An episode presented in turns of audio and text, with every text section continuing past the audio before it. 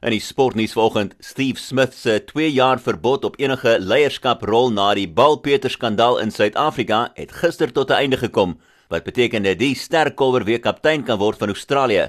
Die 30-jarige was die kaptein van die span gewees tot hy vir 12 maande geskort is vir sy rol in die Balpeter skandaal tydens 'n toets in Kaapstad in 2018. Suid-Afrikaners en baie mense reg rondom die wêreld is tans in die middel van 'n inperkingstyd. Die Suid-Afrikaanse driekamp atleet Henri Schoeman het 'n medalje gewen by die 2016 Olimpiese spele en hy het 'n boodskap gehad aan almal wat geaffekteer word deur die koronavirus. One message, many voices. Stop COVID-19. Imagine competing on the sports ground and there's no one cheering me on to win for my country. Imagine winning a competition and raising the flag towards an empty stadium. I cannot compete and win without your support, my country's support.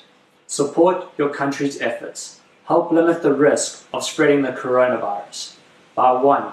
Stay at home. 2. Practice social distancing. 3. Regularly wash your hands with water and soap. Three basic steps to follow regularly so that we win the fight against the coronavirus.